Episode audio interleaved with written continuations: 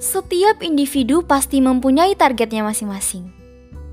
Entar, kalau gue udah selesai ngikutin PPLK, gue bakal jadi mahasiswa aktif nih. Entar, kalau gue udah jadi mahasiswa aktif, gue bakal berusaha buat bisa dapetin IPK sempurna.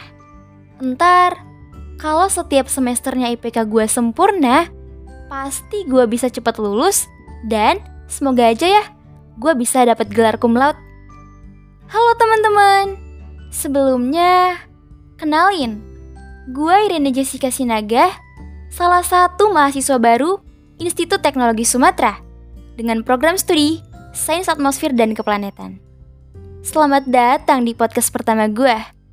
Eh, bentar-bentar. Mau bilang sesuatu nih?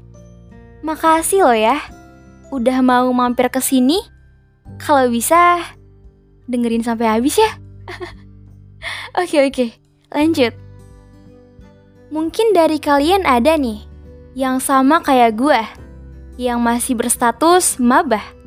Nah, gue mau tanya nih, Kalian pada bangga gak sih jadi maba? Oh iya, gue lupa ternyata gue podcast guys.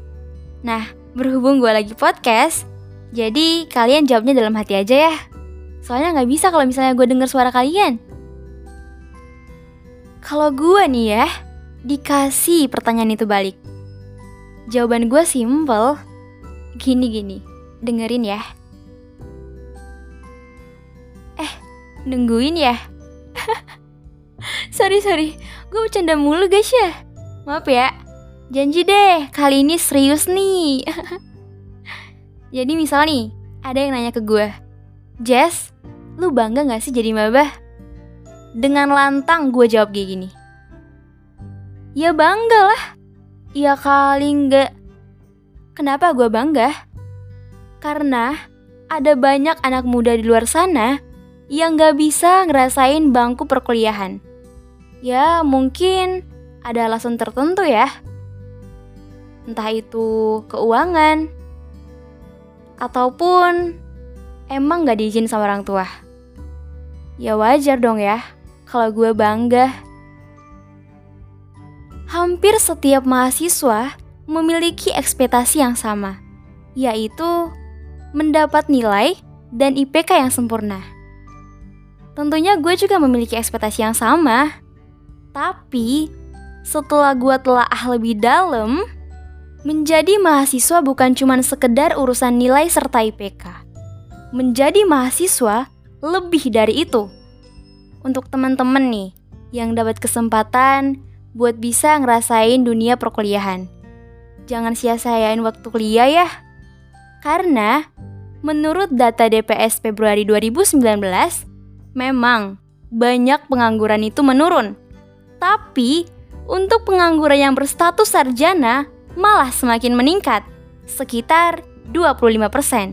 Artinya, persaingan untuk mendapatkan lapangan pekerjaan pada zaman sekarang begitu kompetitif.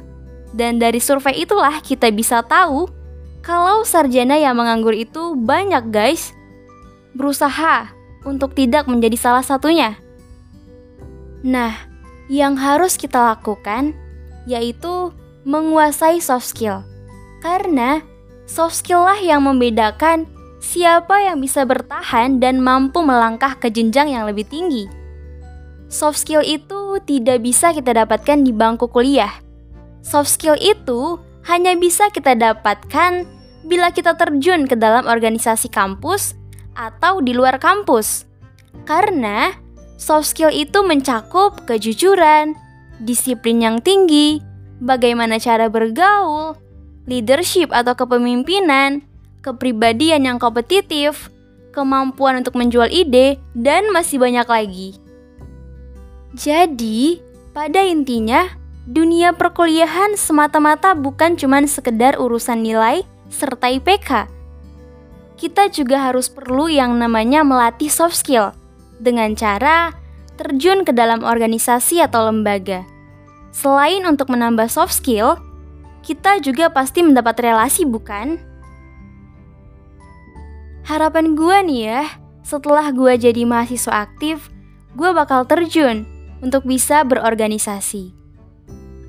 Sekian podcast kali ini, semoga bermanfaat dan bisa menambah wawasan para pendengar.